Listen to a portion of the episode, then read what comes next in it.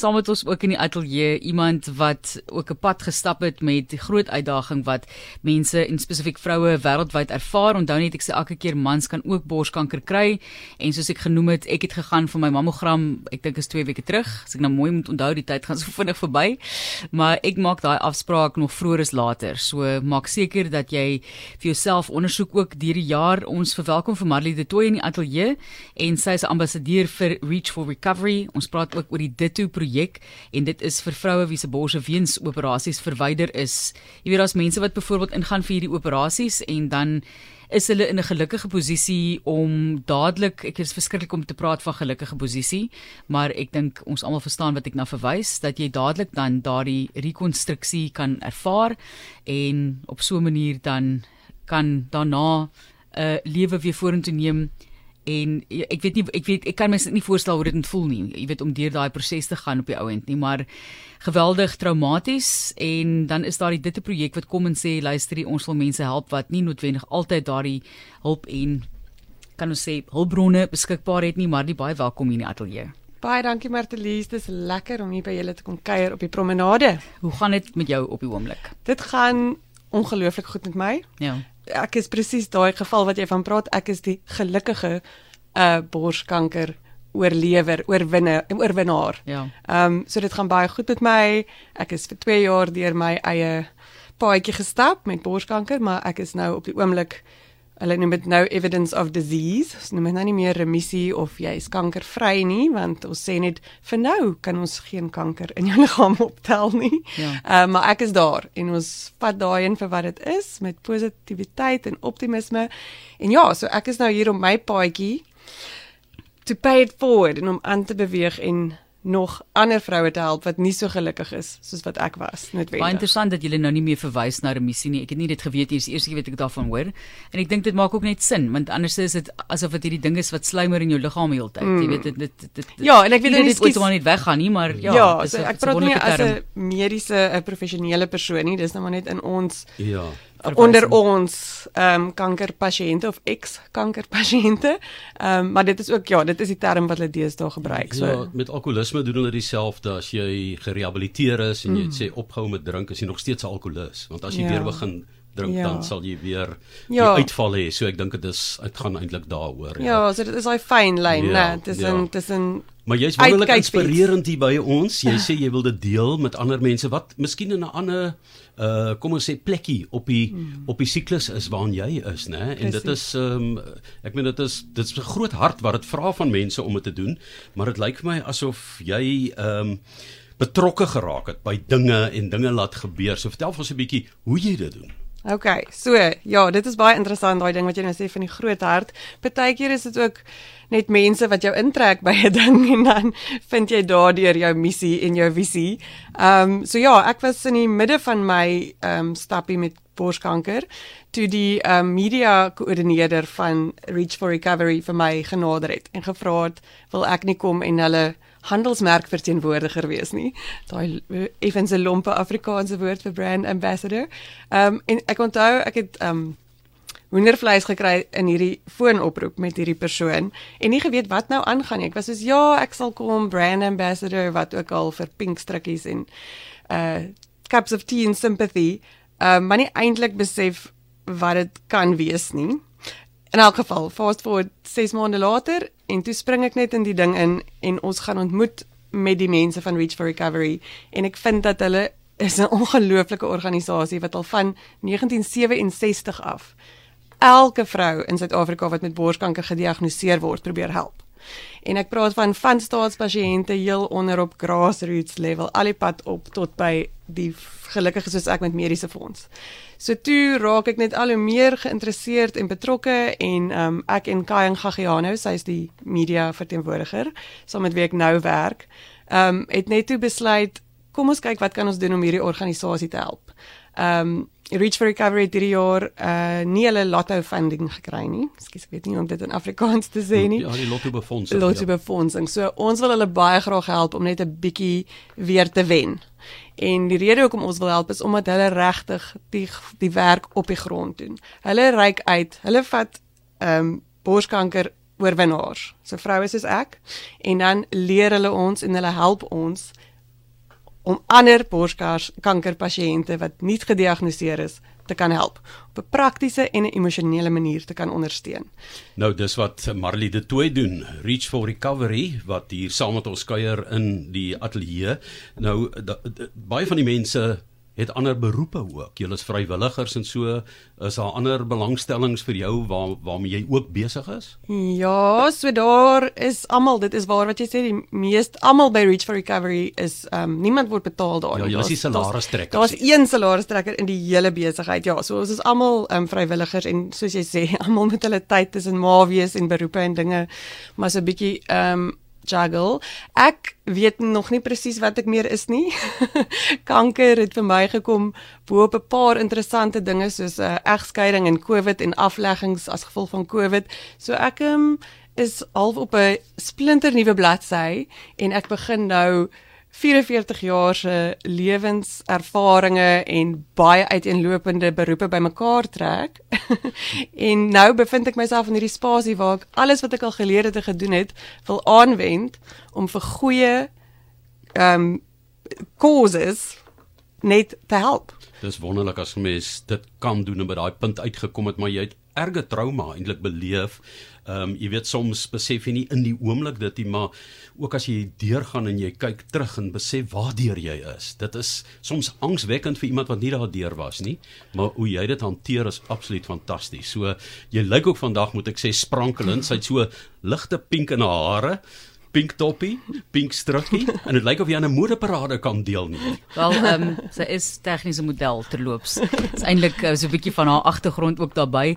Amadie is 'n mens nou, uh, jy weet Johan verwys nou na die pink en so en ek het dit op sosiale media ook gesien. Dit is nou al 'n rukkie gelede. Dit voel soos gister, maar dit is ook al is ook al 'n rukkie. Jou hare was heeltemal pink. Mm -hmm. En dis voordat jy gegaan het vir jou behandeling mm -hmm. en ek vra toe wanneer jy besluit om ontslae te raak van die pink en 'n bietjie van 'n blonde vraag want dit was op die ou in die behandeling wat die pink toe nou met jou hare weggeneem het.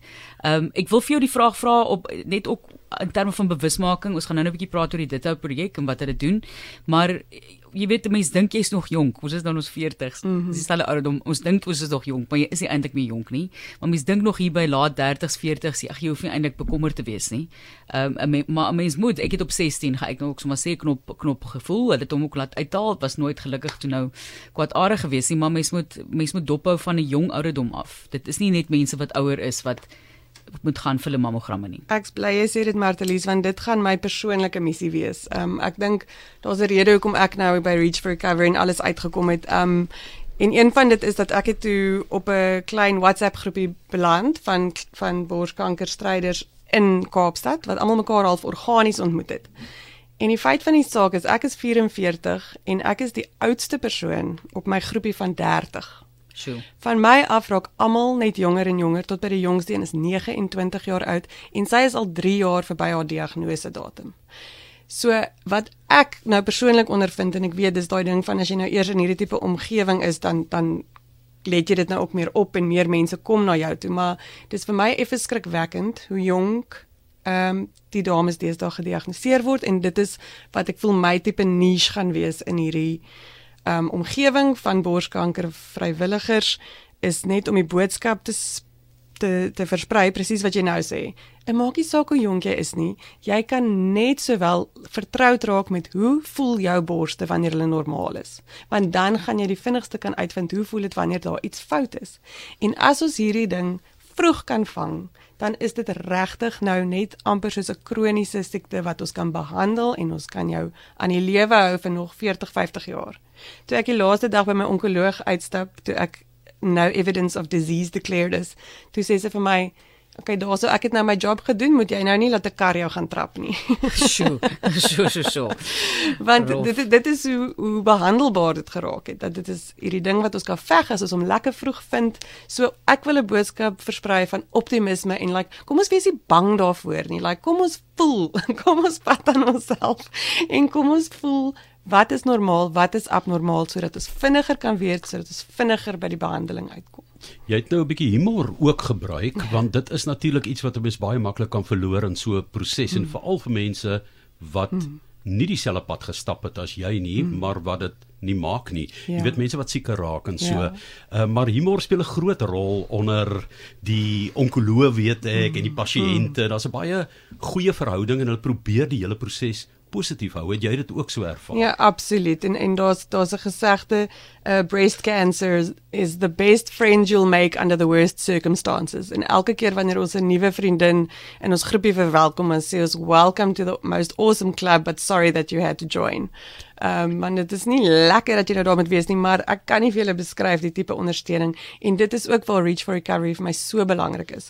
Jou vriende en jou familie en jou jou werksplek en jou mense kan jou probeer ondersteun soveel as wat hulle wil, maar niemand kan verstaan regtig waartoe jy gaan behalwe iemand in dieselfde bootjie. Ja dit 'n projek. Ons moet ja. daaroor gou gesels. So vertel net vir ons hoe werk dit asseblief weer eens vir mense wat natuurlik nie die toegang het wat yes. jy byvoorbeeld gehad het nie. So ja, dit hou is ongelooflik vir so vir meisies soos ek wat nou 'n wonderlike mediese fonds het en ons moet baie keer veg, maar ons kom daar en ons kry dadelike rekonstruksie. Dis natuurlik ongelooflik dat jy jy jy kom daarmee uit en jy het nog steeds iets wat lyk soos 'n bors as dit is wat jy wil hê. Ons het die opsies. Um 'n vrou in die staat het nie toegang tot rekonstruksie nie. Um so die staat sal die kanker vir jou uitsny, maar hulle kan nie op die oomblik betaal vir jou om vir jou nog 'n bors te bou of te gee nie. So die Ditto projek is die Kaapse Skiereiland tak van Reach for Recovery wat deur Karla Lind ehm um, sy's daar aan die hoof en doen ongelooflike werk. Ehm um, soos hulle het uh, onder andere saam met uh, eh, Apfelstedt Design and Associates wat toevallig ook my borschirurg was. Ehm um, hierdie projek begin waar hulle vir vrouens, behoeftige vrouens 'n uh, protese, so 'n fake boob wat jy binne in jou bra kan dra, verniet gee. Nou hierdie proteses kos ongeveer R900 elk. So om vir 10 duisende vrouens oor die afgelope paar jaar elkeen 'n free fake boob in die kleur en geur en en en grootte wat by hulle pas te kan gee is 'n ongelooflike groot ding wat hulle doen. En die vrou stap dan daar uit. Sy stap daar in met miskien net een bors of jy weet twee heel verskillende groottes borste wat maar net aantas hoe jy voel oor jouself. Ek weet maar al te goed om net nie oogwimpers te gehad het nie het vir my soos 'n alien laat voel. So ek kan eens dink hoe dit moet voel vir die vrouens nie. So hulle kry verniet. Jy's 'n staatspasiënt, al wat jy moet kan wys is jou um staatshospitaal kaartjie en dan kan jy kom aanpas en kom kies en keur daar in Moubrey by hulle kantore en hulle kan vir jou protese gee. Wat baie te doen het met 'n mens se selfbeeld en herstel daarna, né? Alles met jou selfbeeld en jou selfvertroue en dit is vir my hoekom ek nou met modeparades en fotosessies en hierdie tipe dinge wat dalk 'n bietjie oppervlakkig mag lyk of klink speel, maar vir my was die grootste verlies, een van die grootste verliese was daai vroulikheid, daai selfvertroue in hoe jy lyk en hoe jy jouself daar buite in die wêreld verteenwoordig elke dag. Dis hoekom maar vroue is wat jammer om jou in hierdie te val Johan, maar vroue wat ingaan in operasie met rooi lippe. Jy weet, dit is mm. dit is nie oppervlakkige dinge hier, dit gaan eintlik oor die viering van jou mens, alles, ja. Alles. alles.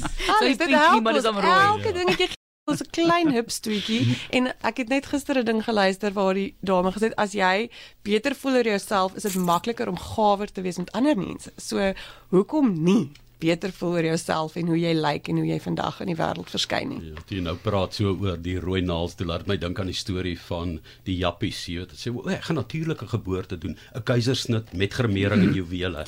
So jy weet daai tipe, maar hierso gaan jy 'n modeparade doen en almal wat deelneem mm. is mense wat geraak is deur mm -hmm. of was leiers, ja, né? my modelle, daar gaan 30 of meer uh modelle op die planke loop by kamers. Uh aan die einde van Oktober, 27 Oktober, het ons twee modeparades. Um en ja, elke model gaan daardie dag 'n uh, borskanker leier en oorwinnaar wees. En ehm um, ons gaan die klere van die makers wat by die ehm um, mark is hierdie seisoen gaan op die modelle wees. Maar ja, die punt van die modeparade is eintlik net om te sê kom ons hou 'n partytjie want dis lente in die Boland en die somer is amper hier en ons kan hierdie ding bestry en as ons saam staan en mekaar ondersteun dan kan hierdie 'n oorwinbare stryd wees en ons kan hierdie ongelooflike slegte ding omdraai in 'n goeie ding Ons kan die wat ons verloor het en die wat dit nie gemaak het nie aanhou koester in ons harte, maar kom ons hou aan veg vir die wat nog veg en en kom ons gee net en help.